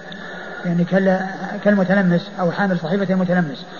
فهو يقول أنني لا أدري لا أكون حاملا صحيفة المتلمس. فالنبي صلى الله عليه وسلم قال من سأل وله ما يغنيه فإنما يسأل جمرا فإنما يستكثر يسأل فإنما يستكثر من النار. فإنما يستكثر من النار. وفي رواية من جمر جهنم. يستكثر من من جمر يستكثر من, من جمر جهنم. يعني أن أن السؤال وعنده ما يغنيه أن أنه يعود عليه بالمضرة وأنه يعاقب على ذلك وأنه إنما يستكثر من جمر جهنم ويكون مستقل ومستكثر على حسب استكثاره وسؤاله وكثرة طلبه وعنده ما يغنيه نعم إيش بعده؟ فقالوا يا رسول الله وما يغنيه وقال النفيلي وما الغنى الذي لا تنبغي معه المسألة؟ فقالوا يا رسول الله وما يغنيه قال النفيلي قالوا وما الغنى الذي لا تكون معه المسألة؟ قال قد قدر ما يغديه أو يعشيه قدر ما يغديه ويعشيه يعني في ذلك اليوم. يعني يغديه ويعشيه في ذلك اليوم. الإنسان الذي عنده طعام قوته طعام يومه وليلته ثم سأل فإنه عنده ما يكفيه فيكون عند ذلك سائلا وهو غني. نعم. وقال النخيلي أيضا. في موضع آخر أن يكون له شبع يوم وليلة. يعني أن النخيلي كان آه، رواه آه، روي عنه على عدة أوجه برواية مختصرة. وهنا أشار إلى هذه الروايات المتعددة التي حدث بها كل مرة على حدة وبألفاظ مختلفة. قال وقال مرة أن يكون له شبع يوم وليلة أو ليلة ويوم. وكأن يكون معه عنده شبع يوم وليلة أو يوم أو ليلة ويوم. ومثل الذي قبله عنده ما يغديه ويعشيه. عنده ما يغديه ويعشيه. نعم. وكان حدثنا به مختصرا على هذه الألفاظ التي ذكرت. وكان حدثنا به مختصرا على هذه الألفاظ. يعني مرة كذا ومرة كذا ومرة كذا وهنا جمعها وأشار إلى آه إلى ألفاظها المختلفة. قال حدثنا عبد الله بن محمد النفيلي. عبد الله بن محمد النفيلي آه ثقة أخرج حديثه البخاري وأصحاب السنن. عن مسكين عن مسكين وهو ابن بكير الحراني. ابن بكير الحراني وهو صدوق يخطئ. صدوق يخطئ أخرج له البخاري ومسلم وأبو داود والنسائي. البخاري ومسلم وأبو داود والنسائي. عن محمد بن المهاجر. عن محمد بن المهاجر وهو ثقة أخرج البخاري في الأدب المفرد ومسلم وأصحاب السنن ثقة أخرجه البخاري في الأدب المفرد ومسلم وأصحاب السنن عن ربيعة بن يزيد. عن ربيعة بن يزيد وهو ثقة أخرجه أصحاب الكتب الستة. عن أبي كبشة السلولي. عن أبي كبشة السلولي وهو ثقة ما أعرف ما كأنه اسمه مختلف. فيه ثقة أخرج له البخاري وأبو داود الترمذي والنسائي. البخاري وأبو داود والترمذي والنسائي. عن سهل بن الحنظلي. عن سهل بن الحنظلي الحنظلي وهو صحابي أخرج له. البخاري المفرد وأبو داود البخاري. المفرد وأبو داود والترمذي والنسائي. مثل لا. مثل تلميذه. البخاري في المفرد وأبو داود والنسائي بدون الترمذي. نعم البخاري في المفرد وأبو داود والنسائي.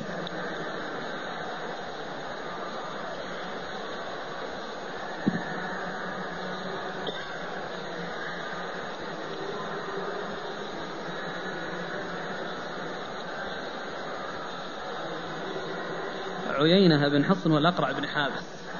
بين بن حصن والأقرع بن حابس نعم. يعني هما زعيمان يعني كبيران من كبار قومهما وقيل إن أعطاه إياهما للتأليف وأنهما من المؤلفة. لكن الله أعلم كأن الأقرع أو أحدهما ارتد. ما أدري. الأقرع بن حابس؟ إيه. ما ما شوف التقريب ما في الأقرع بن حابس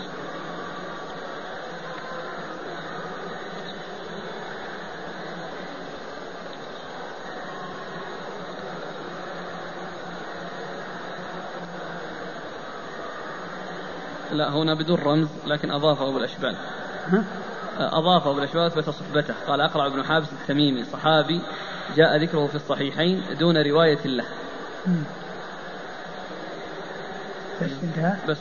اللي هو رمز له لا لا. هذا من الزيادات التي زادها أبو الأشبال وضعها بين قوسين. يعني هو هو الذي هو الذي كان وقال إن لعشرة من الولد ما قبلته منهم احدا ونفس هذا. مو هو كذلك اللي أقول هو الذي هو لا الذي ما جاء اللي جاء إنه في قسمة النبي صلى الله عليه وسلم الصدقة أو الذهيبة التي جاءت نعم فقال فتكلم عن النبي صلى الله عليه وسلم. وعندما ولى قال سيخرج من لا ضمن لا هذا هذاك غير هذاك هذاك ما هو هذا؟ أقول ليس بهذا. يعني أقول غير هذا غير غير الاقرع ما أتذكر اسمه لكنه غير الاقرع يعني من ما أحد يذكر اسمه. لا بالخويصرة لا بس ما أدري وش اسمه. نعم. على كل اقرع بن حابس هو هو الذي هو الذي قال إنه ما قبل عشرة من الولد قال آه آه النبي صلى الله عليه وسلم من لا يرحم لا يرحم أو شيء من هذا القبيل. نعم.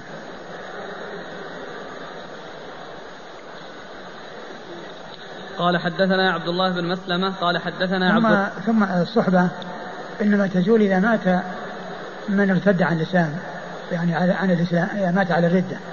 هذه تزول الصحبة وأما لو رجع ارتد ورجع للاسلام فإنه يعتبر صحابيا. وعلى أصح أقوال أهل العلم. ولهذا يقول الحافظ بن حجر في نخبة الفكر والصحابي هو, هو من لقي النبي صلى الله عليه وسلم ومات على الإسلام ولو تخللت ردة في الأصح. ولو تخللت ردة في الأصح. ولهذا الصحابة قال إنهم اعتبروا إن إنهم اعتبروا روايات بعض الصحابة الذين ارتدوا ورجعوا إلى الإسلام وماتوا على الإسلام آه، رووا عنهم واعتبروا رواياتهم.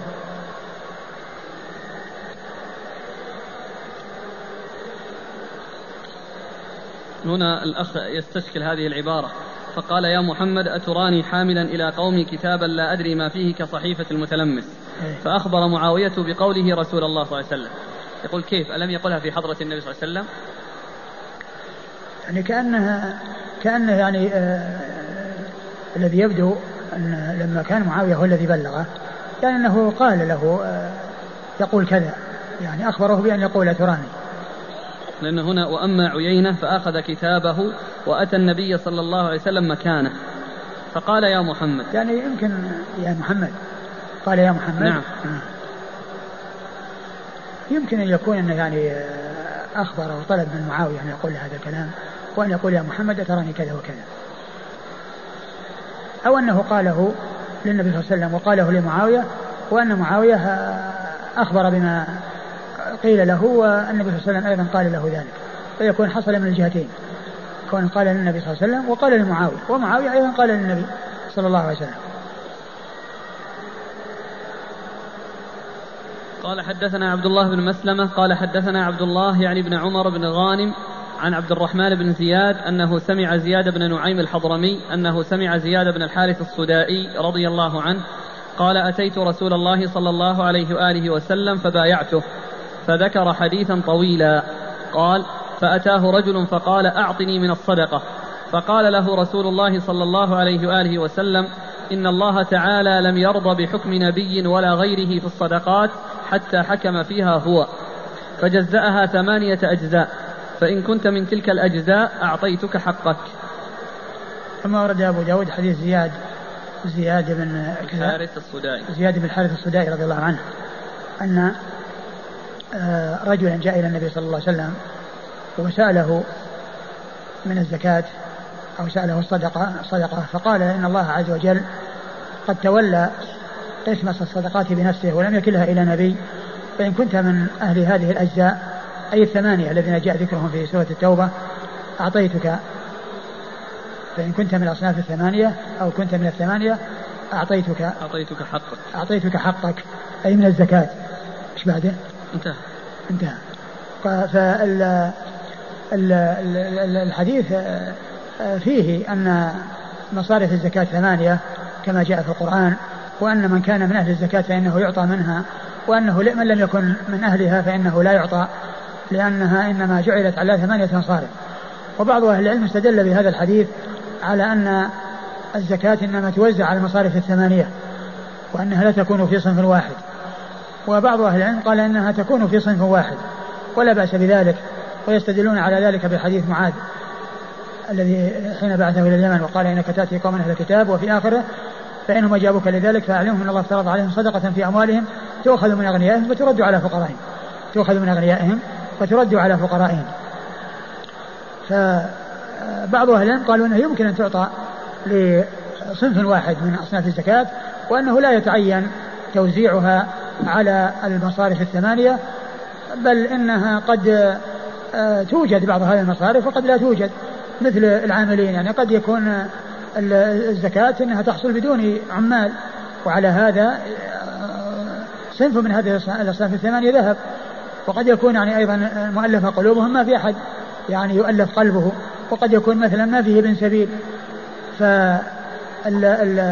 هؤلاء الثمانية تصرف فيهم ولا تتعداهم إلى غيرهم لكن صرفها في صنف واحد كالفقراء لا بأس بذلك. نعم يعني تقسيمها على على هؤلاء؟ والله لا شك إذا كان موجود الرقاب وموجود ابن سبيل وموجود يعني كذا وكذا سيعطى كل آه، منها أو كل من هو أهل لها. لا شك أن هذا هو هو هو المناسب لكن إذا كانت الحاجة أشد في بعض الجهات كالفقراء فلا بس يعني يمكن أن تعطى لهم وإذا كانت كثيرة يمكن أن يعطى آه، تعطى الجهات كلها. ولكنه ينظر إلى ما هو آه، أصلح وما هو أهم وما هو أعظم فائدة. وأكبر منفعة فيقدم على حسب ذلك. قال حدثنا عبد الله بن مسلمة. عبد الله بن مسلمة القعنبي ثقة أخرجه أصحاب الكتب الستة إلى ماجه. عن عبد الله يعني بن عمر بن غانم. عبد الله يعني بن عمر بن غانم وقال وثقه ابن يونس عندك وغيره إنه مكتوب في النسخه اللي عندنا وغيرهم. و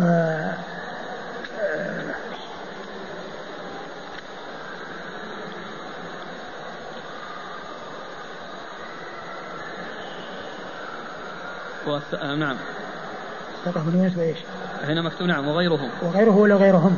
اللي كأنها اللي هناك غيره. غيره ولا غيرهم؟ هذه نفس النسخة اللي عندك. أي هذه التقريب أي. أي نفس النسخة.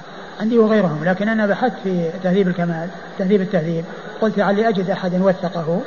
ما وجدت أنه نقل توثيق إلا عن عن عن أبي العرب. وهو نفس الحافظ بن حجر قال إنه ثقة جليل. يعني فلا أدري يعني لماذا نسب التوثيق إلى ابن يونس وغيره مع أنه هو نفسه قال إنه ثقة جليل. من؟ كلام ابن حجر نفسه في تهذيب الكمال تهذيب التهذيب. في تهذيب التهذيب. نقل عن أبي العرب إيش؟ أنه هو الثقة. أي. وقال هو نفسه ابن حجر أنه ثقة جليل في تهذيب تهذيب التهذيب. فما أدري لماذا عدل إلى عن طريقته في أنه يوثق بنفسه إلى نسبة التوثيق إلى غيره. ثم أيضا ما ذكر يعني غير أبي العرب. يعني حتى يمكن يكون الضمير غيرهم. يعني يكون يعني إذا كان في عدد يصير ابن يونس وغير ومعه غيره. يعني يصير يعني فلان وفلان يعني وغيرهم. وذكر في التهذيب ابن يونس؟ إي نعم ذكر ابن يونس وذكر أبو العرب. نعم ذكر ابن يونس وذكر أبو العرب. وذكر يعني عن أبي داود انه قال حديث مستقيمة. حديث مستقيمة. لكنه قال إنه وذكر ابن حبان في كلام يعني شديد وقال يعني ابن حبان ما عرفه وإنما هو ثقة جليل. ابن حبان ما عرفه. هنا فلذلك أشار إليه التقريب. ولم يعرفه أبو حاتم. أيوة. وأفرط ابن حبان في تضعيفه. أيوه. ثم قال من التاسعة مات سنة أي هو قال انه إنه قال إنه ثقة جليل. وقال إنه ما روى عنه إلا عبد الله بن مسلمة وأنه لقي في الأندلس. لأن هذا قاضي أفريقية. إيه.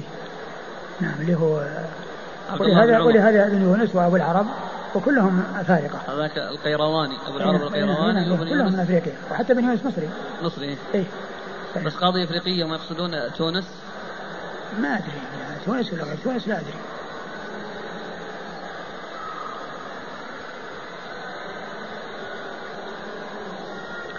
نعم عن عن كلمة غيرهم هذه ما أدري هل هي غيره هي هي ناسب لو كانت غيره. لكن غيرهم يعني معناه أنه مذكور اثنين معه.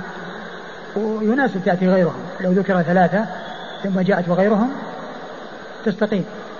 أو أنها غيره. فيكون يعني غير بن يونس.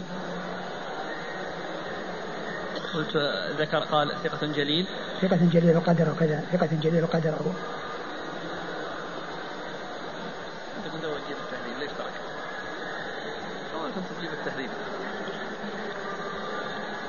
الحين التهذيب كان الأخ يجيبه. أربع مجلدات اختصر الآن ضم أيوة. ممكن حمله أيوة. فكان فترة كان يجيبه ثم ترك. أيوة. ثقل على يعني الورق خفيف. أي جمعة الآن في أربع مجلدات؟ مؤسسة الرسالة. أيوة. طبعت. قال عن عبد الرحمن بن زياد. عن عبد الرحمن بن زياد وهو الأفريقي. عبد الرحمن بن زياد بن أنعم. عبد الرحمن بن زياد بن أنعم الافريقي وهو ضعيف أخرج له. ضعيف في حفظه خرج البخاري في الأدب المفرد وأبو داود الترمذي وابن ماجه. البخاري في الأدب المفرد وأبو داود والترمذي وابن ماجه. ما هي كانها يا شيخ؟ أنعم بالضم. أنعم ولا أنعم؟ ما أدري والله. كأنه. شوف التقريب.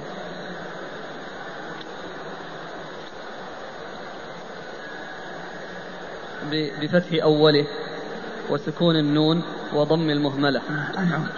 أنعم عن زياد بن نعيم الحضرمي. عن زياد بن نعيم الحضرمي وهو مقبول أخرج حديثه. هذا ثقة يا شيخ. هذا صحيح أنه يعني هذا نسب إلى جده زياد بن ربيعة بن نعيم. ويروي عن السدائي. إيه؟ عن يروي عن زياد. اي نعم.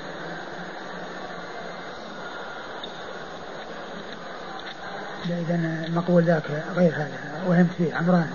عمران البارقي الذي سيأتي الذي يروي عن عطية العوفي. هو ذاك المقبول. يعني لأن هذا لما لا لا هذا ثقة. يروي عن من؟ لما جاء لزيد بن نعيم قال في زياد بن ربيعة. في زياد بن نعيم قال انظر زياد بن ربيعة. الذي مر زياد بن ربيعة سبق لا لا هذا هذا. لأن الآن عندنا الآن منسوب إلى جده زياد بن نعيم. زياد بن ربيعة بن نعيم. إيه؟ قال ثقة. إيه؟ أخرج له. أبو داود الترمذي وابن ماجه أبو داود الترمذي وابن ماجه الذي مقبول هو الذي سيأتي في حديث آتي عمران البارقي يروي عن عطية العوفي. وهو مقبول. عن الح... عن زياد بن الحارث السدائي. عن زياد بن الحارث السدائي رضي الله عنه وحديثه أخرجه. أبو داود الترمذي وابن ماجه أبو داود والترمذي وابن ماجه. الحديث يكون ضعيف.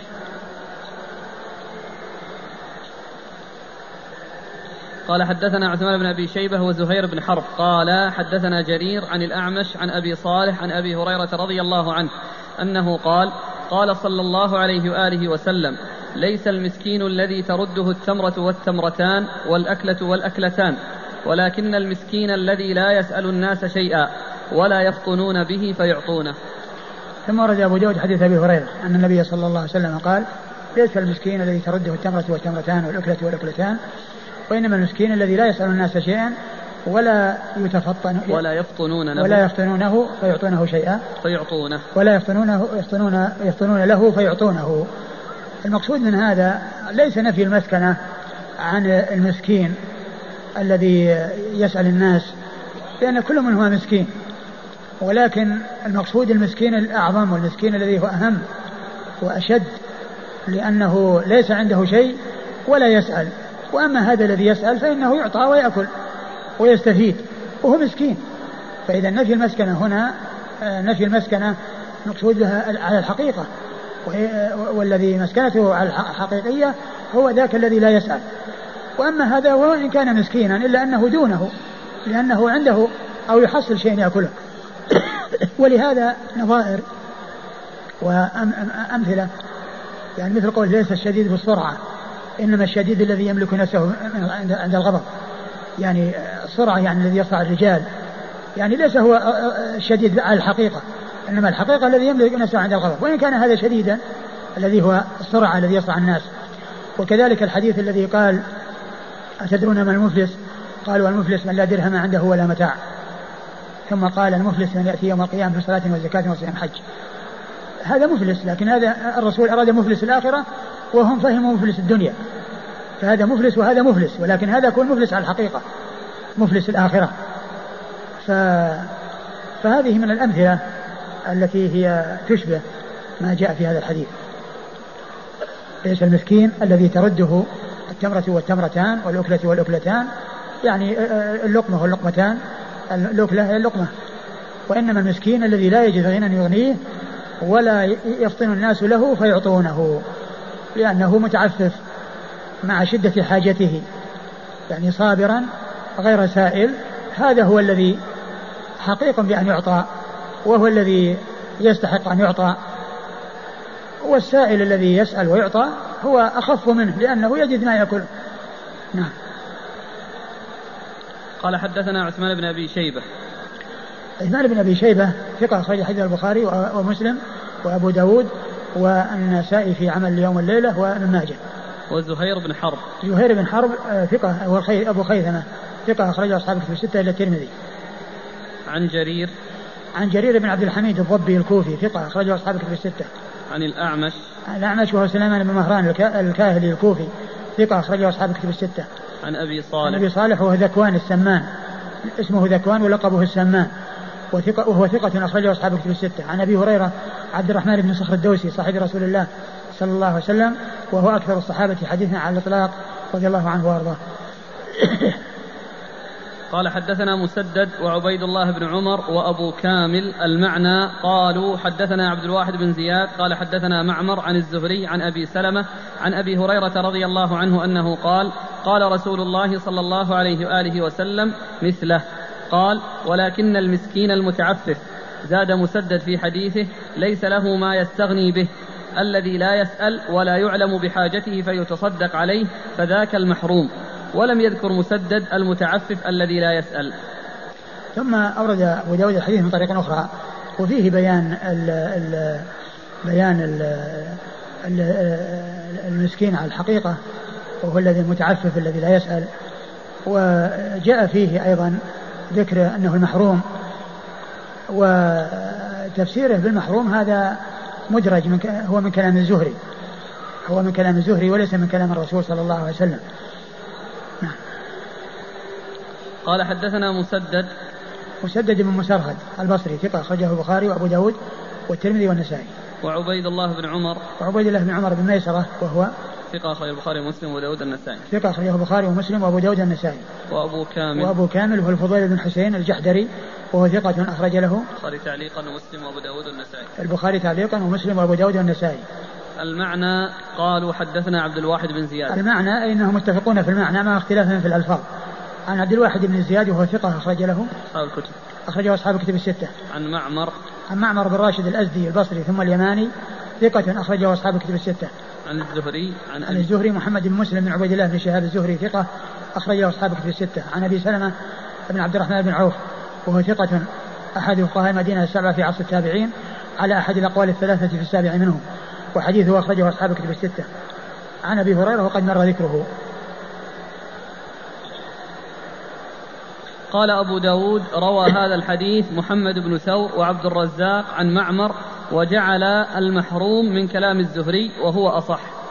ثم ذكر آه، طريقا أخرى وفيها بيان أن المحروم من كلام الزهري وهو أصح. يعني فيكون ذاك الذي مر هو مدرج يكون من كلام الزهري. نعم. العبارة؟ محمد بن ثور؟ محمد بن ثور نعم محمد بن ثور. محمد بن ثور هو؟ ثقة أخرج أبو داود النسائي. ثقة أخرجه أبو داود النسائي. وعبد الرزاق. عبد الرزاق بن همام الصنعاني اليماني ثقة أخرجه أصحاب الكتب الستة. عن معمر. عن معمر مر ذكره. أحسن الله تقول المدرج إيش؟ آه، تفسيره بأنه المحروم. الذي مر في الإسلام. ولكن المسكين المتعفف. زاد. مسدد في حديثه ليس له ما يستغني به. الذي لا يسأل ولا يعلم بحاجته فيتصدق عليه فذاك المحروم. آه، فذاك المحروم هذا هو الذي. هذه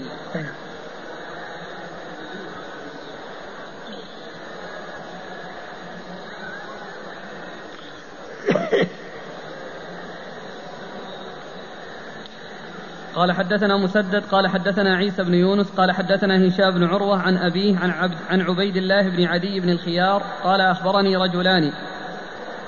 أنهما أتيا النبي صلى الله عليه وآله وسلم في حجة الوداع وهو يقسم الصدقة فسألاه منها فرفع, فيه في فرفع فينا البصر وخفضه فرآنا جلدين فقال إن شئتما أعطيتكما ولا حظ فيها لغني ولا لقوي مكتسب. ثم ورد أبو داود حديث آه، عبيد الله عبيد بن عدي. الله عبيد الله بن عدي بن خيار أن رجلين آه، أن رجلين أتى النبي صلى الله عليه وسلم في حجة الوداع أن رجلين أتى أتيا رسول الله صلى الله عليه وسلم في حجة الوداع وهو يقسم الصدقة فسأل فنظر فيهما يعني صوب النظر وخفضه فوجدهما جلدين يعني نشيطين قويين يعني عليهما أثر الصحة والعافية والقوة فقال إن شئتما أعطيتكما ولا حظ فيها لغني ولا لقوي مكتسب.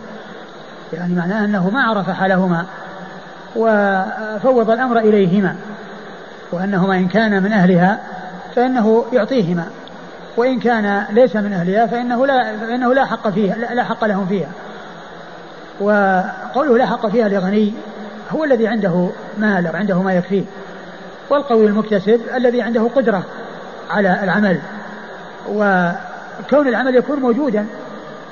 ومن المعلوم أن العمل آه، قد يتوفر وقد لا يتوفر. لكن من كان أهلا فإنه يعطى. كما قال ذلك رسول الله صلى الله عليه وسلم إن شئتما أعطيتكما ولا حظ فيها لغني ولا لقوي مكتسب. يعني الأمر إليكما. فلا أدري عاد إيش الذي حصل بعد ذلك. هل آه، أخذ أو لم يأخذ؟ ما يعني أعرف يعني شيء حول النتيجة النهائية لحالهما وأنهما أخذ أو لم يأخذ ولكن كلام النبي صلى الله عليه وسلم يفيد بأن الذي يسأل هو الذي يكون صاحب حاجة أو يكون يعني عليه أثر الضعف وأما الذي عنده قوة الذي ينبغي له أن يشتغل وأن يعمل ولا يسأل الناس. ولهذا النبي صلى الله عليه وسلم يرشد إلى العمل ويأمر الإنسان يأخذ يأخذ فاس وحبل ويحتطب ويأتي يبيع. فيرشد الناس عليه الصلاة والسلام إلى العمل كما جاء في بعض الأحاديث. وهو يقسم الصدقة. نعم وهو يقسم الصدقة نعم. ال- الإطلاق الكلمة المراد بها الزكاة أو الصدقة من صدقات النافلة. ما أدري. مسألة الصدقة أليست أوسع في الإعطاء من مسألة الزكاة؟ هي ما دام أنها صدقة وما دام أنها تسمى صدقة فلا تعطى إلا لفقير حتى ولو كانت نافلة. ما دام أنها صدقة. وأما غير الفقير يعطى هدية. إذا أريد أن يعطى لا يعطى يعطى هدية ما يعطى الغني. يمكن أن يهدى إليه. والإنسان الذي لا يستحق الصدقة يهدى إليه. ولهذا يفرقون بين الصدقة والهدية. مثل ما يذكرون في الهدي أنه يأكل ويتصدق ويهدي. يأكل ويتصدق ويهدي. يعني يعطي من هو من لا يستحق من ليس بفقير. وبعض أهل العلم يقول أن الصدقة النافلة أنه يمكن لكن ما دام أنها صدقة فالصدقات هي للفقراء والمساكين. الصدقات إنما تكون للفقراء والمساكين وأما غيرهم لا يقال لها صدقة يقال لها هدية إذا كانوا أغنياء. أظن صاحب عون المعبود ذكر هذا الشيء. أظن أشار أو, أو في الحاشية هنا أن أن هذا الزكاة وأما الصدقة النافلة فإنه لا بأس. لكن يبدو والله أعلم أن كل ما يقال له صدقة الأولى ألا يصرف إلا في مصارف الصدقة. قال حدثنا مسدد عن عيسى بن يونس عيسى بن يونس بن أبي إسحاق وهو ثقة أخرجه أصحاب الكتب الستة. عن هشام بن عروة هشام بن عروة ثقة أخرجه أصحاب الكتب الستة. عن ابيه عن أبيه عروة بن الزبير بن العوام ثقة فقيه أحد فقهاء المدينة السبعة في عصر التابعين أخرج حديثه أصحاب الكتب الستة. عن عبيد الله بن عدي بن الخيار. عن عبيد الله بن عدي بن الخيار وهو آه، أبوه استشهد يوم بدر ويعني عام الفتح وهو مميز ويعني قيل آه، أنه لا يعرف له رواية تقريب قال عد في الصحابة وعده العجلي وغيره في ثقات التابعين. نعم عده عد في الصحابة لأنه كان مميزا في حجة الوداع. وعده العجلي و وغيره في ثقات وغيره في ثقات التابعين. يعني معناه ليس بصحابي وهذا إذا كان لم يرى النبي صلى الله عليه وسلم فالصغير من الصحابة الذي لم يرى النبي صلى الله عليه وسلم الذي يعني لم هو صغير هو معدود الذي له رؤية آه، معدود في كبار التابعين من حيث الرواية ومعدود في الصحابة من حيث الرؤية.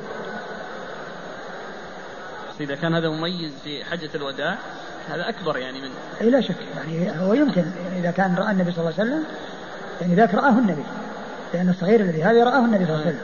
أيه. أخرج له البخاري ومسلم وداود النسائي البخاري ومسلم وأبو داود والنسائي.